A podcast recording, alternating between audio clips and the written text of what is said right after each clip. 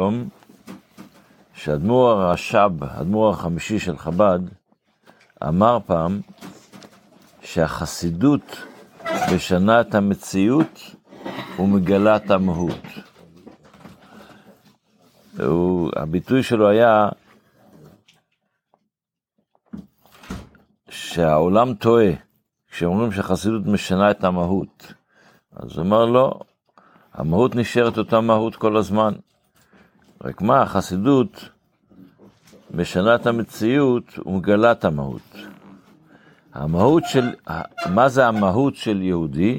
המהות של איש הישראלי אין להעריך ולשער.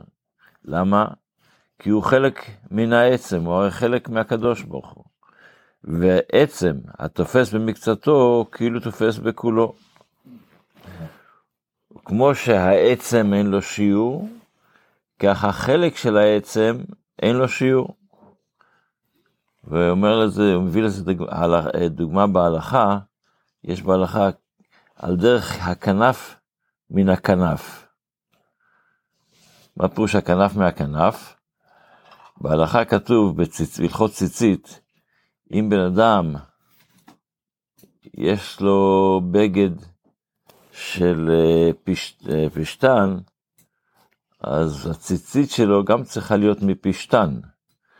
אמנם אם הוא יעשה מצמר זה גם טוב, זה לא יהיה כליים, אבל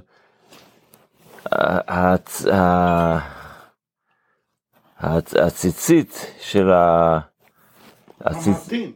החוטים של הציצית צריכים להיות מאותו סוג של, ה... של, של הבגד. אז זה נקרא כנף מן הכנף. אז הוא המשיך, אין זאת, אלא שעצמותו של הבורא יתברך הוא כשהיא תהיה נברא. והחסידות מגלה את מהותו. זאת אומרת, השאלה היא, אם יהודי הוא חלק מהבורא, אז איך הוא נבדל מהבורא, איך הוא מציאות, מציאות, כל אחד הוא מציאות. הרי אם, אם הוא חלק מהבורא, אז הוא לא מציאות. אז, אז, אז התשובה לזה היא פשוט, הקדוש ברוך הוא ברא אותו שיהיה מציאות. לא שהוא מציאות מצד עצמו, הוא מציאות בגלל שהקדוש ברוך הוא ברא אותו למציאות. והתפקיד של החסידות זה לגלות את המהות הזו של היהודי, שיהודי בעצם חלק אלוקה ממעל, מה שעושה את היהודי יהודי זה חלק אלוקה ממעל ממש, ואז הוא מגלה משהו, את הכוחות שיש לו. בספר המצוות לומדים היום את המצווה שלמדנו אתמול. בעצם המצווה הצדיק ו' שנבלה מטמא. אבל היות שכשיש אותה מצווה חוזרת על עצמו פעמיים, אז אנחנו הולכים ליד החזקה. ביד החזקה, בספר יד החזקה, לומדים היום דוגמה בנושא הזה. אנחנו למדנו שנבלה מטמא, אז עכשיו השאלה היא אם לבהמה יש, בהמה מעוברת, והבהמה שבקרבה, הוולד שנמצא בתוך, בתוך הבהמה, שהיא כבר, היא מתה, הבהמה הזו. עכשיו בן אדם אה, הכניס את היד שלו לבדוק את הדופק של הבהמה, והוא הרגיש שהיא מתה. האם הוא הרגיש, האם הוא נהיה טמא בגלל זה כשהוא נגע בנבלה?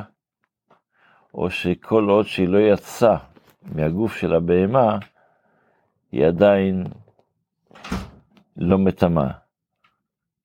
אז אומרת לך ככה, בהמה, ש... לא בהמה, שמת וברא בתוך מאיה, והושיט הרואה את ידו ונגע בה, בין בהמה טמאה ובין בהמה טהורה, הרי הנוגע טהור, עד שיצא הנפל לאוויר העולם.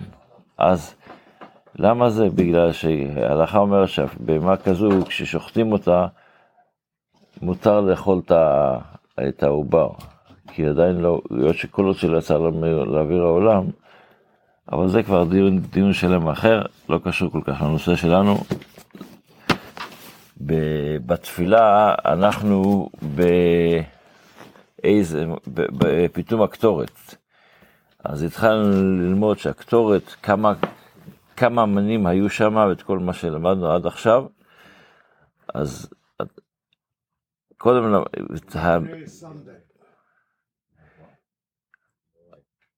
אז למדנו 11 סמנים היו בה. ואז למדנו מי הם. הצורי והציפורן, החלבנה והלבונה, שהם היו משקל 70-70 מנה. עכשיו ממשיכה התורה, אומרת עוד ארבע. מור וקצייה ושיפולת נרד וקרקום. המשקל שלהם היה 16 מנה כל אחד, 16-16 מנה. אז מה זה מור? מור זה כמו שכתוב בשיר השירים, מורים בשמי, וזה סוג של עשב שהריח שלו מריח מאוד, יש לו ריח. שיבולת נרד, זה, זה נראה כמו שיבולת, אבל לכן קוראים לו שיבולת, אבל זה נרד, זה מין סוג של, של אה, אה, משהו ריחני. קרקום זה זעפרין. אז כל, השלושה, כל הארבעה האלה היו צריכים להיות 16 מנה כל אחד מהם. אחרי זה יש הלאה, הוסיפו עוד הקשות, הקושט, כן, הקושט זה שורש, זה סוג שורש מסוים, אז הוא היה צריך להיות 12 מנה. וקילופה זה בושם של קליפת עץ, היה שלושה מנים. והקינמון היה תשעה. תשע, תשע מנים. הגמרא אומרת במסכת שבת, שמהקינמון לא נשאר הרבה בעולם, אחרי חורבן בית שני.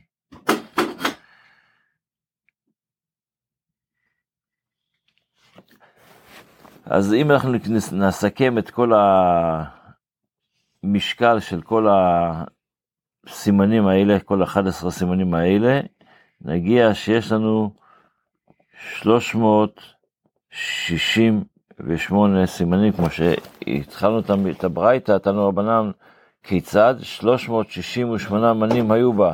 אז זה ה-368 מנים שהיו בה.